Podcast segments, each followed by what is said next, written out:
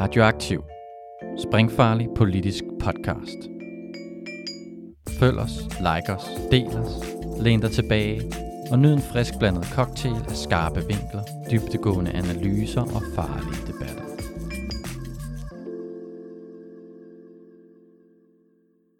Velkommen til Ildsjæl.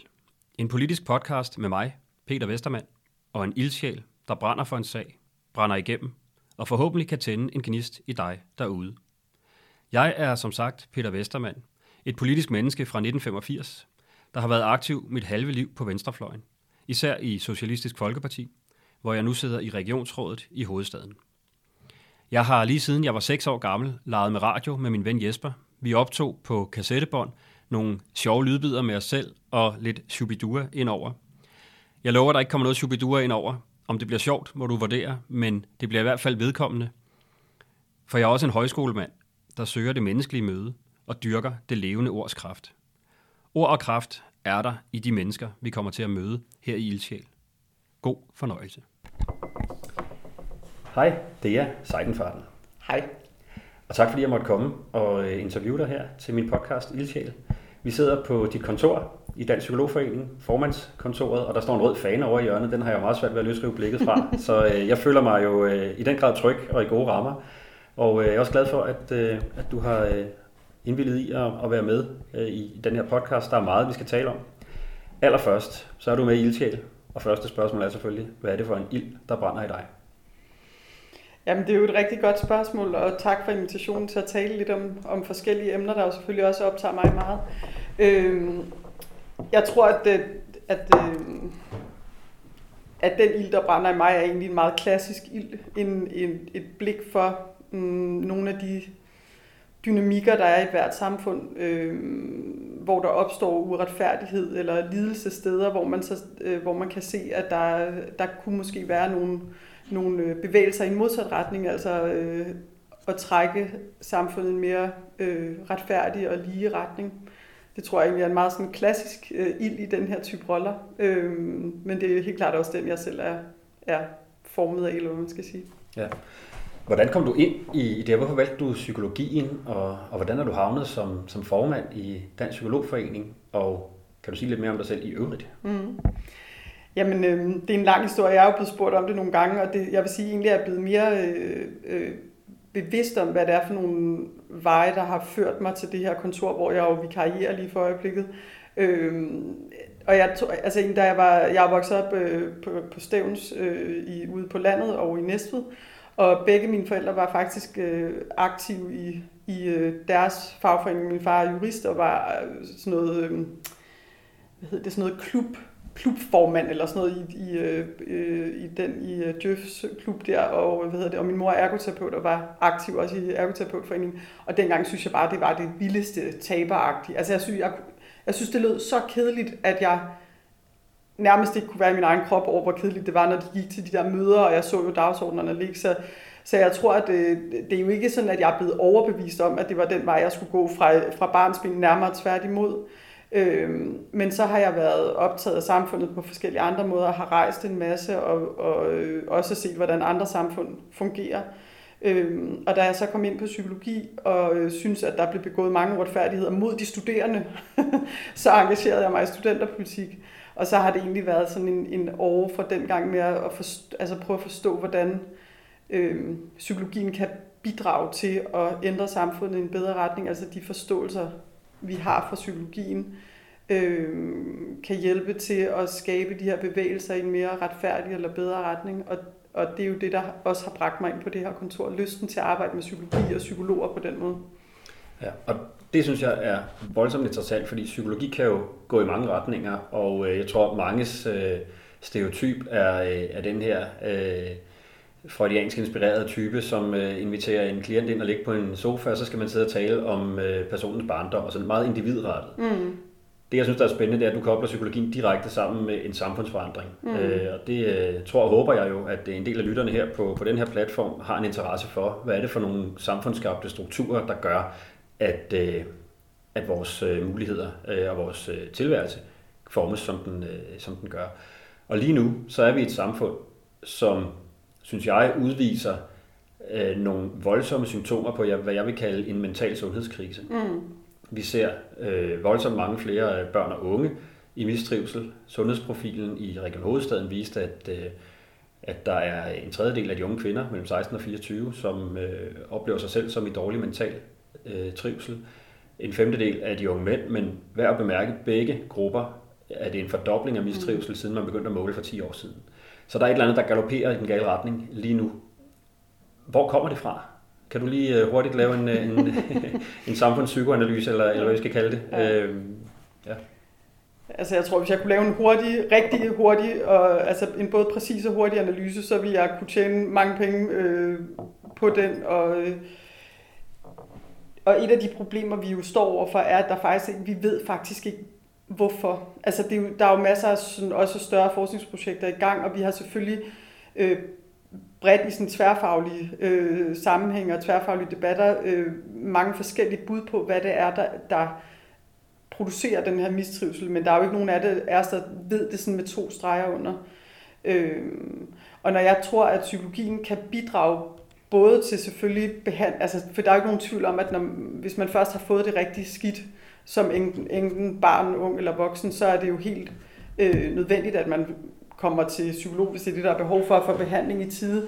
Men, men jeg synes jo netop, som du siger, at det er vigtigt, at vi bruger psykologen, psykologien sådan mere samfundsanalytiske øh, potentialer også i at prøve at forstå, jamen, når der er så store tal, som dem du lige har sagt, så, så er det jo ikke øh, så er det jo netop helt vildt vigtigt, at vi ikke bare forstår det som, jamen så er der noget galt med den enkelte unge, der ikke kan klare presset, eller forkælede generationer, eller hvad der nogle gange er blevet sagt. Så er det jo noget med at zoome lidt ud, sætte sig op i helikopteren, og så se på det her med, hvad er det for nogle større samfundsbevægelser, vi som voksne har været med til at skabe, der gør, at unge i den her grad svarer, at de mistrives.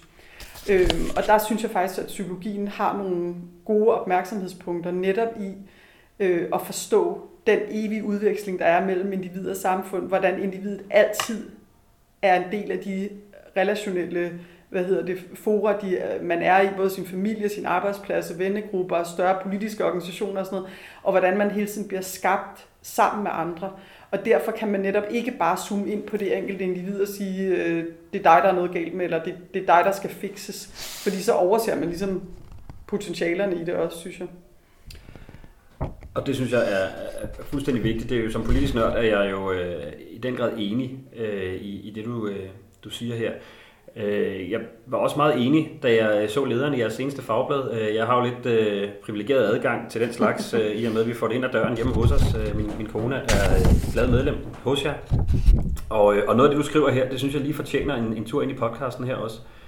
Øhm, du skriver, en af de største opgaver, vi som psykologer står midt i, er netop at bekæmpe den stigende mistrivsel, der ses i samfundet. Der er et stort pres for at være en succes, være lykkelig for at lykkes. Skyggesiden af alle de politiske initiativer, som er blevet gennemført i bedste mening, er, at vi til synlædende har medvirket til at skabe et samfund, hvor det er svært at have det godt. Og det er om noget et paradoks. Mm. Kan du lige øh, give det paradoks en, en kommentar igen? Jo, men det er jo, når jeg, når jeg sådan tænker tilbage på der, bare den tid, jeg selv har fulgt med i politik, eller den tid, jeg selv har været ung og voksen, og sådan øh, haft blik for, hvad det var for nogle beslutninger, der blev truffet sådan overordnet set i vores samfund, så er jeg jo fuldstændig overbevist om, at der er jo ikke nogen politikere, der har sat sig ned og truffet nogle store valg på vegne af den danske befolkning for at gøre det dårligt at være dansker. Tværtimod.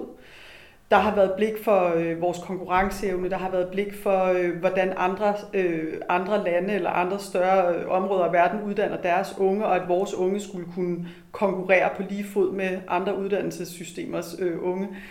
Øh, og på den måde der er blevet truffet en masse valg, blandt andet nogle af de store, altså folkeskolereformen og fremdriftsreformen, og noget af det er jo, jeg er med på, noget af det også er blevet rullet lidt tilbage igen og sådan noget.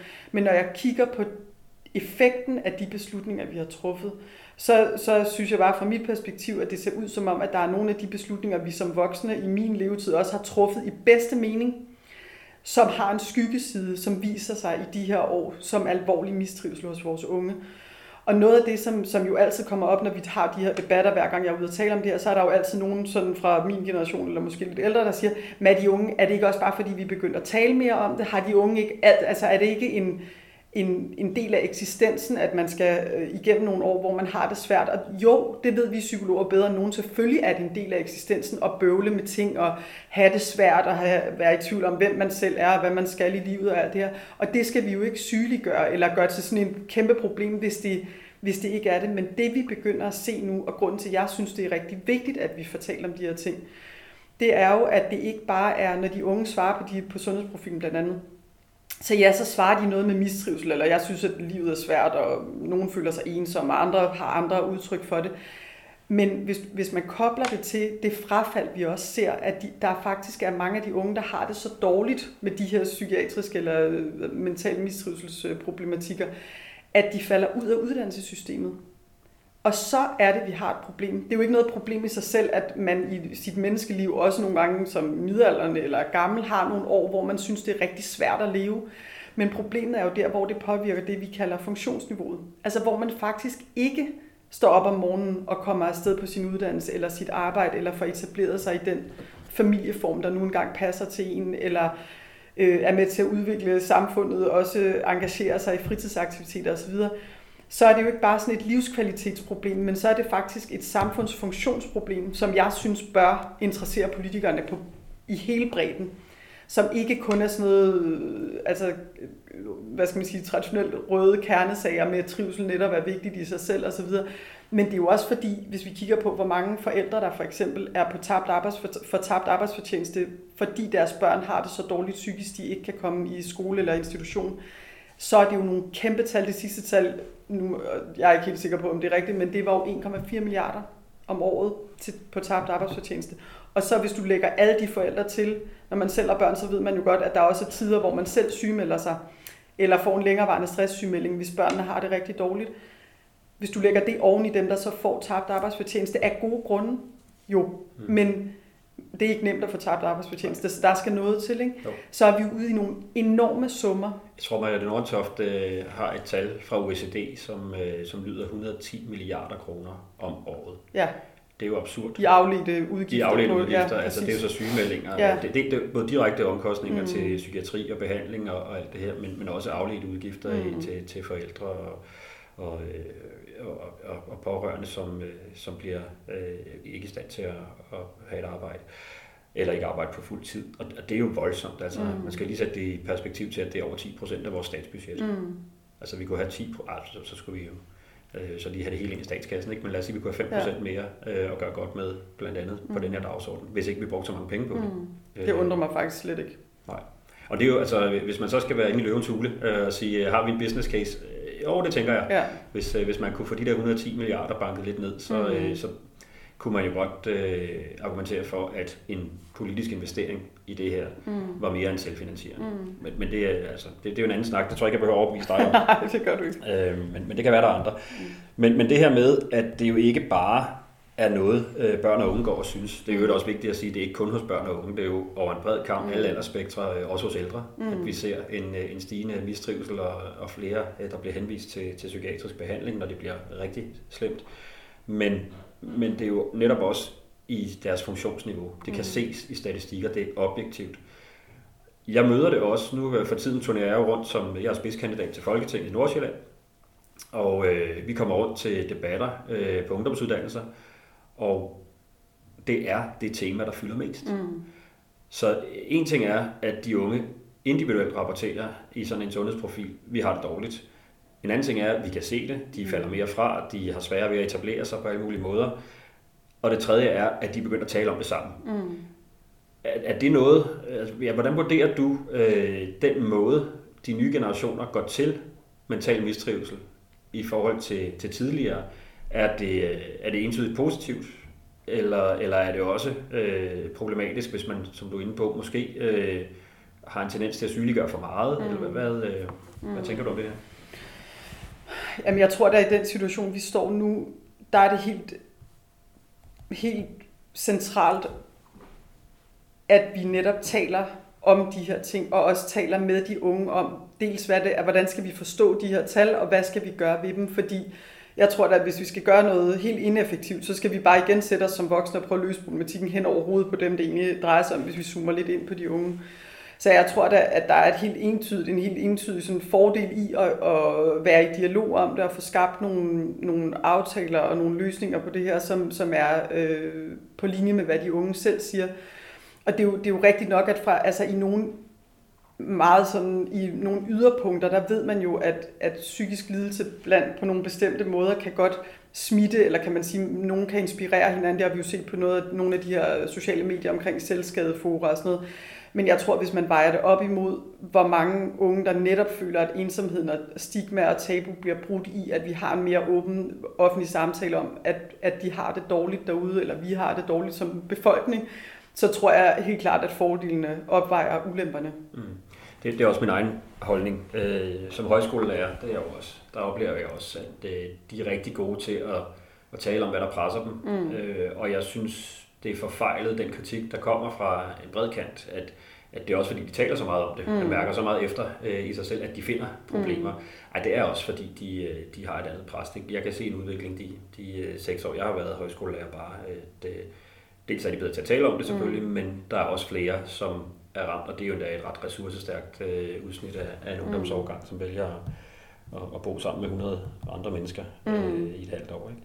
Så, så der er i hvert fald øh, et eller andet, der er ude at gå, for mm. at bruge et, et udtryk, jeg, jeg har hørt andre psykologer øh, sige. Det er jeg helt enig i. Mm. Der var også en, en del psykologer, der var ude at gå øh, for en måned siden i politikken.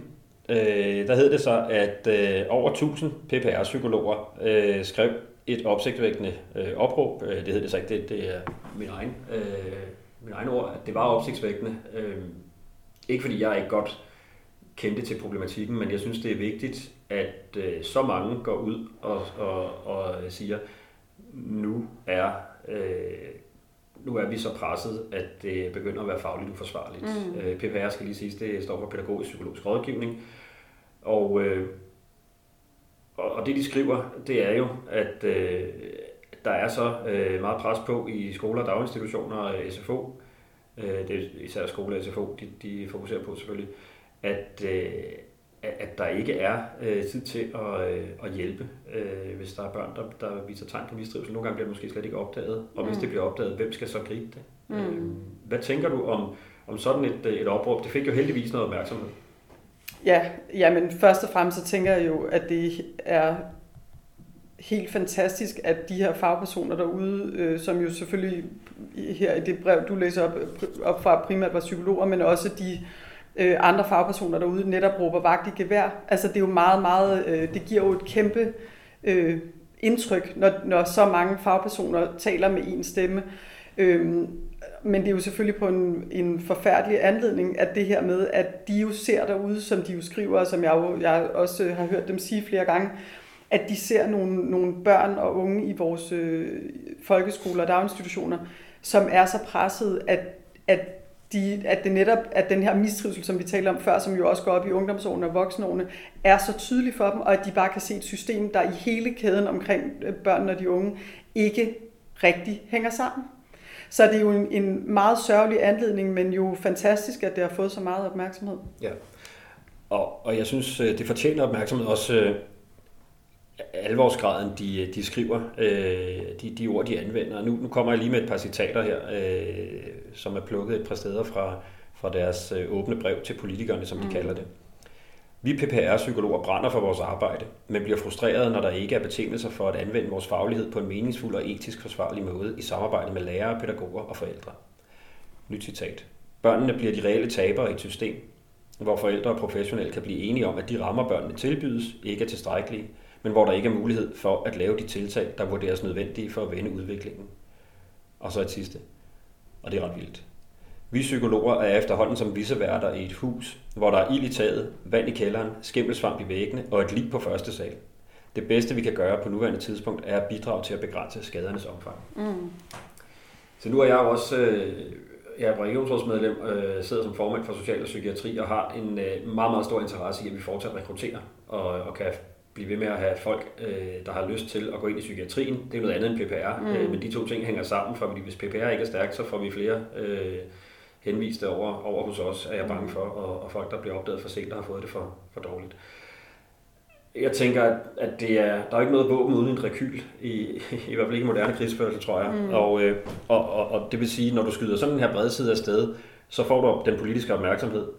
Men det har også den negative sideeffekt, at der er potentielle psykologer, eller nuværende psykologer, som tænker, PPR, det skal jeg bare aldrig nogensinde mm. over i, fordi øh, det er et rådent hus med et lige på første sal. Mm. Hvordan tænker man som fagforeningsformand om, om den diskussion, det dilemma, som ligger, og det er der jo i alt faglig øh, mm. kamp i virkeligheden. I skal påpege der, hvor vilkårene er for ringe, og I vil forbedre dem, mm. men ved at påpege det, fortæller I folk, at jeres fag ikke er godt nok. Ja, Jamen det, men det er jo selvfølgelig noget, vi har diskuteret øh, internt i, i flere år efterhånden, det her med, hvordan får vi politikernes opmærksomhed på, at PPR og de omgrænsende øh, områder i flere år har været så udsultet, at det nærmest efterhånden er rigtig svært at udføre øh, Øh, sine psykologfaglige opgaver på en forsvarlig måde. Hvordan får vi den politiske opmærksomhed og de ressourcer, eller i hvert fald en snak om, der kan blive tilført ressourcer til hele kæden, som du siger, sådan så vi reelt kan lave et løft af den, de indsatser, der skal til øh, derude.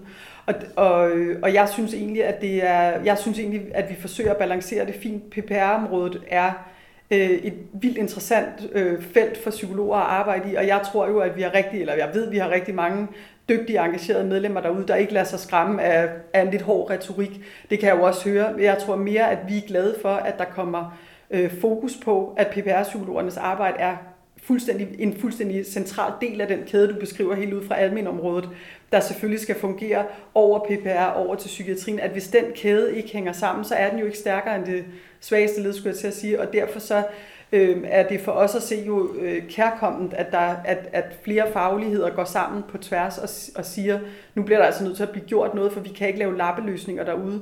Øhm, du skal også huske, at noget, noget af den her drøftelse af PPR kommer jo efter, at der har været rigtig meget kritik rettet mod, øh, hvor forældre har følt sig dårligt hjulpet, eller andre fagpersoner har, har oplevet ikke at få den hjælp, de havde efterspurgt i PPR. Og når vi så kommer der ud og kigger ned i de enkelte sager, så må man bare sige, at hvis der er en psykolog til at dække øh, to skoler og tre børnehaver, så, så skal der jo ikke så meget hovedregning til at regne ud, at man som psykolog ikke har mulighed for at lave den tætte opfølgning og observation, de understøttende indsatser med fagpersoner, øh, med fagpersonerne omkring børnene. Ikke? Så, så for os er det jo en mulighed for netop at fokusere på det her med ressourcerne øh, mm. derude. Ikke? Jo, ja. og, og det anerkender jeg fuldstændig. Jeg synes bare, det er vigtigt også øh, at, at påpege det her, øh, som øh, man nogle gange hører som kritik af, af fagforeninger i konfliktsituationer og andet, øh, at at I er også med til at tale fadet ned. Mm. Og jeg synes, det, jeg synes, det er en, øh, altså det er jo en catch-22, ja. at, øh, at I så i virkeligheden ikke har lov til at, at påpege, når noget er, ja. er, er for ringe. Så jeg synes, det var vigtigt lige at, at give dig mulighed for at, at svare på det. Så er jeg fuldstændig enig med dig som forældre. Vi har begge to børn, og, og, og mine børn, mit ene barn, øh, har vi øh, haft et... Øh, øh, hun har øh, en eller anden form for særlig behov. Hun er født meget for tidligt. Og vi har da haft prøvet at række ud til PPR og oplevet, at det er umuligt at komme igennem. Mm. Og det er jo så, som jeg sagde før, med, med en, øh, en mor, som er psykolog, og en far, som øh, ikke dengang var formand, men i hvert fald sad i et psykiatriudvalg, kunne mm. alle koderne. Mm. Øh, og, og vi synes selv, øh, forældre øh, evnen også er, er udmærket, men vi blev faktisk bange for, når vi henvendte os, om, om der ville blive øh, stillet spørgsmålstegn ved, om vi var gode nok som forældre. Mm. Altså, at man er så presset i et system, og det var en, der før vi overhovedet nåede i nærheden af psykologen. Øh, mm. Det var en socialrådgiver, som sad i kommunen og, og skulle visitere ud, som, som begyndte at presse tilbage på os mm. og, og sige, måske det er hjerten, der gav med. Det tror jeg heller ikke er befordrende for øh, hverken en samarbejdsrelation eller en, en oplevelse af, at der er et system til at gribe, hvis det, hvis mm. det øh, går galt. Og, og jeg tænker, hvis vi oplever, at det er svært, så tør jeg ikke at tænke, hvordan det må være, hvis man, øh, hvis man har øh, langt dårligere forudsætninger for at komme igennem i systemet. Så jeg tror, vi taber rigtig mange på gulvet. Nu, øh, nu bliver det sådan min egen lille øh, svater her, den behøver du slet ikke at, at, at gå ind i nødvendigvis. Men, men det, der også er vigtigt, det er jo at sige, ja, øh, som du siger, kæden er ikke stærkere end sit svageste led. Mm. Nu, nu bliver der lidt SF-propaganda selvfølgelig. Vi har jo øh, vi har stået med minimumsnormeringer i et stykke tid. Øh, det var vores store hovedfokus ved sidste valg. Nu har vi et fokus på at få dem reelt implementeret derude, fordi hvis ikke der er øh, dygtige pædagoger, lærere og, og, og hvad der ellers skal være rundt omkring i, i netop hele kæden på almenområdet, så er det meget svært for, for den psykologisk-pædagogiske rådgivning, øh, som, som jeres medlemmer skal give, at få den til at blive til noget, mm. hvis ikke man har øh, altså evnerne, de faglige færdigheder til at, mm. at omsætte øh, det her. Hvor, altså, nu, nu, nu siger du, at, at skoen trykker alle steder, men, men hvor ser du skoen trykke uden for din egen faggruppe? Mm. Mm. Jamen, jeg siger, at skoen trykker i hele kæden. Altså når vi mm. kigger på blandt andet den måde, vi taler om hele kæden på, blandt andet i 10 her for, for øh, øh, psykiatri og bedre mental trivsel, så, så kan vi jo se, altså de analyser, der er lavet, beskriver jo, at skoen trykker i hele kæden. Og det er med på, det er ikke et særligt populært svar at give til en politiker, der godt ved, at der ikke er midler til det hele på en gang, men det er jo derfor, vi bliver ved med at sige, at tingene hænger sammen. Altså der har foregået en, et øh, ressourcetræk væk fra den her kæde i så mange år, at man bliver nødt til at erkende, at det er både og de steder, der skal sættes ind. Og det er jo det, psykologerne også gør opmærksom på, og det synes jeg egentlig ret sådan, øh, solidarisk med de andre faggrupper også gør opmærksom på, at, at vi psykologer vil gerne være med til at tage ansvaret. Det er jo det, de siger i det her brev, synes jeg. Vi vil netop gerne være med til at tage ansvar, i stedet for bare at skyde mod de andre og sige, det er fordi lærerpædagoger er for dårlige, eller nogen andre for psykiatrien er for dårlige. Eller sådan. Mm. De går netop ind i det tværfaglige felt og tager ansvar og siger, vi kan bare se fra vores position, hvis vi skal hjælpe de børn og unge og de her familier, så skal vi alle sammen løfte. Psykologerne vil også gerne løfte deres del af det, men vi bliver nødt til at kigge på det her samlet set politikere. Ja. Det er hele kæden, ikke? Ja. Nu nævner du 10-årsplanen, den skal vi også lige nå at, at tale om. Mm. Øh, der blev lavet et fagligt oplæg fra Social- og Sundhedsstyrelsen, og vigtigt øh, med input fra alle organisationer, også jeres, mm. øh, alle, måske alle, men, men rigtig mange væsentlige mm. aktører øh, inden for, for området her som er en samlet pakke. Mm. Det bliver øh, aktørerne ved med at sige. Det er ikke bare øh, noget, vi kan gå ind og, og, og plukke lidt fra som politikere. Mm. Øh, den samlede pakke har også en pris, igen med Rette Nordentoft, øh, formand for, øh, for øh, Dansk Psykiatrisk Selskab, som jeg også har interviewet i en tidligere podcast. Øh, der, der folder hun ud, hvad hendes regnestykke er. 4,5 milliarder mm. om året, øh, hvis man skal indløse hele potentialet i den her, øh, det her faglige oplæg. Så gik der 7-8 måneder, øh, før vi kom i gang med forhandlinger på Christiansborg, og de forhandlinger startede med rundt 0. Det har vi i SF mm. været lidt øh, kritiske over for, og øh, forlangt, at, øh, at så må vi rykke forhandlingerne over i Finansministeriet lidt tættere på kassen. Mm. Øh, nu sker der et eller andet. Det kan vi jo hverken vide alt om, fordi vi ikke sidder i rummet, vi kan heller ikke referere, hvis vi ved. Men hvornår øh, kan, det, altså, kan det blive for uambitiøst i forhold til opgaven? når opgaven med det faglige oplæg bliver skitseret som meget, meget stor, som du siger, det hele kæden, hvor skoen trykker. Øh, der bliver ikke sat beløb på det, og det er der så andre, der har gjort. Nu sidder man så og forhandler, hvor udgangspunktet var, der ikke penge. Mm. Øh, hvordan stiller du dig, mm. og, og, og hvordan stiller IA som organisation i, i sådan et spil? Mm. Øh, ja. Jamen altså, der er jo flere... Øh vinkler på det, kan man kan sige. Vi har jo psykologer ansat i hele kæden, fra den tidlige forebyggelse over de indsatser, der arbejder med afstigmatisering, over til øh, PPR, over til, den, øh, til øh, de mest intensive indsatser i, øh, i sengepsykiatrien. Så jeg har jo medlemmer og dermed også interesser på tværs af alle de indsatser, alle de 37 anbefalinger, der er. Og derfor kunne man måske godt sige, kan du så ikke være glad, uanset hvad der kommer? Men det, men det er jeg ikke, vil jeg sige. Jeg synes, netop i forhold til det, vi lige har talt om med, at, den, at mistrivselen er alarmerende høj. Vi skal både tænke i forebyggelse, vi skal tænke i tidlige indsatser, og vi skal tænke i behandling, hvis vi skal løse det her. Det nytter ikke noget at skrue på en lille knap.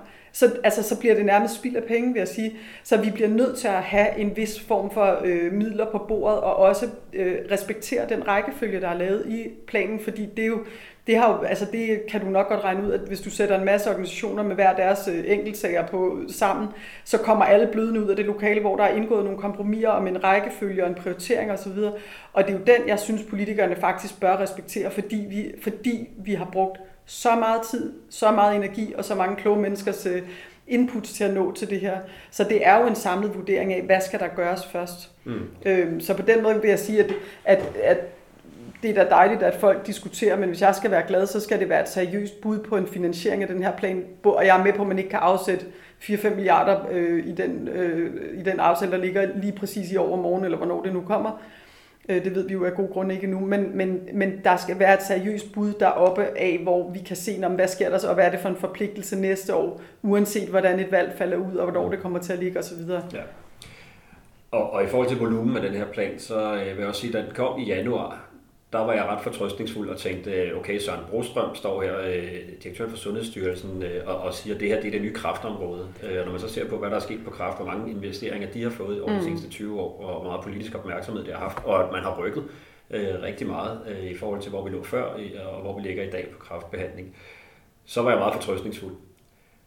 Så gik der en måneds tid, så kom der en krig, Ja. Og jeg kan huske, at jeg skulle ud på besøg øh, den morgen der. Jeg hørte om, øh, om jeg startede øh, afsted tidligt øh, den dag og tændte radioen. Og på vej ud til Glostrup, det kan tage lidt tid med trafikken jo, øh, skulle ud på Psykiatrisk Center og, øh, og mødes med vores direktion i Region Hovedstaden på, på psykiatriområdet og have en rundvisning og, og introduktion til, til området. Og, og det første, øh, vi snakker om, det var selvfølgelig krigen, øh, som, som netop var startet den morgen. Og, og jeg måtte desværre, øh, måske lidt lakonisk, øh, sige til direktøren, at jeg er bange for, at der røg 0 i vores mm. psykiatriplan her. Altså at, at øh, pengene forsvinder, øh, ikke kun fordi der, der vil blive behov for øget oprustning, men også fordi verdensøkonomien går den gale mm. vej, og dermed også vores samfundsøkonomi. Timingen har bare været ja. uheldig. Ja. Øh, og, og derfor kan jeg jo godt følge dig i at sige, at når, når du siger, at vi får ikke alle, lad os sige det er 4,5, nu er det mm. det tal, der er ude at gå, ikke? Mm. Men, men vi får ikke det hele på en gang. Men omvendt kan jeg også høre dig sige, det skal heller ikke være for lidt. Altså man skal ligesom... Det skal ikke være for lidt. Man skal, man skal følge, man mm. investerer. Øh, mm. Og det vigtige er vel også, at I holder et flertal, og nu, så, nu er der så folketingsvalg, det er jo så også mm. uheldigt, mm. men at man holder et flertal op på at vende tilbage mm. til det år for ja. år. Hvordan, hvordan tænker du den proces? Nu siger du, planen er en køreklar plan med en rækkefølge. Mm. Hvordan ser du så, at man starter et år og, og så sætter mål om næste år, altså hvis det var dig, der skulle svinge takstokken der?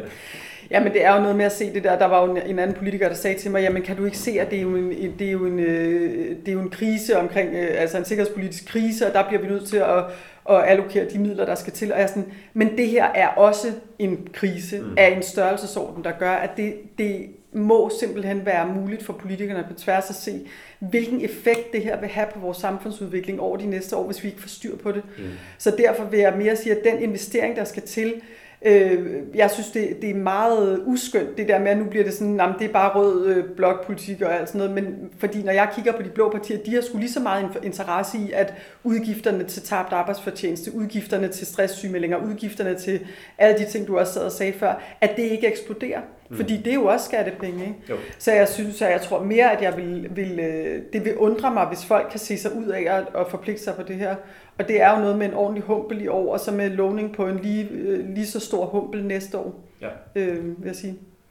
Og vi kommer nok ikke øh, helt ind i forhandlingslokalet i den her Desværre. podcast heller, øh, men, men øh, godt at få dit bud med. Øh, vi skal til at runde af. Jeg kan høre, det banker lidt på døren. Ja. Øh, så, så jeg vil bare, jeg tror, jeg sige tak. Øh, der er meget andet, vi kunne have talt om. Jeg kan vel tage en, en optagelse mere. Der er lange ventelister på øh, at komme til en privatpraktiserende psykolog. Det ved jeg, du også har nogle tanker omkring. Mm. Det har jeg i den grad også jeg tror, det er fint, vi, øh, vi, vi runder den af her, og øh, så kan det være, at jeg inviterer mig selv på besøg igen, hvis, øh, hvis jeg må nok på den anden side af et folketingsvalg. Du er velkommen. Tak skal du have. Tak.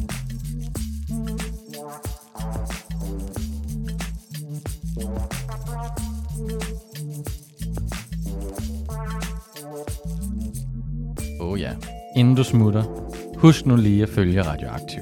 Vi er på Facebook, Twitter, på SoundCloud eller i din podcast-app. En række af vores podcasts udkommer også som video på YouTube. Du må også gerne dele os med dine venner. Hvis du er ellevild, så kan du gå ind på solidaritet.dk og blive medlem af vores medie.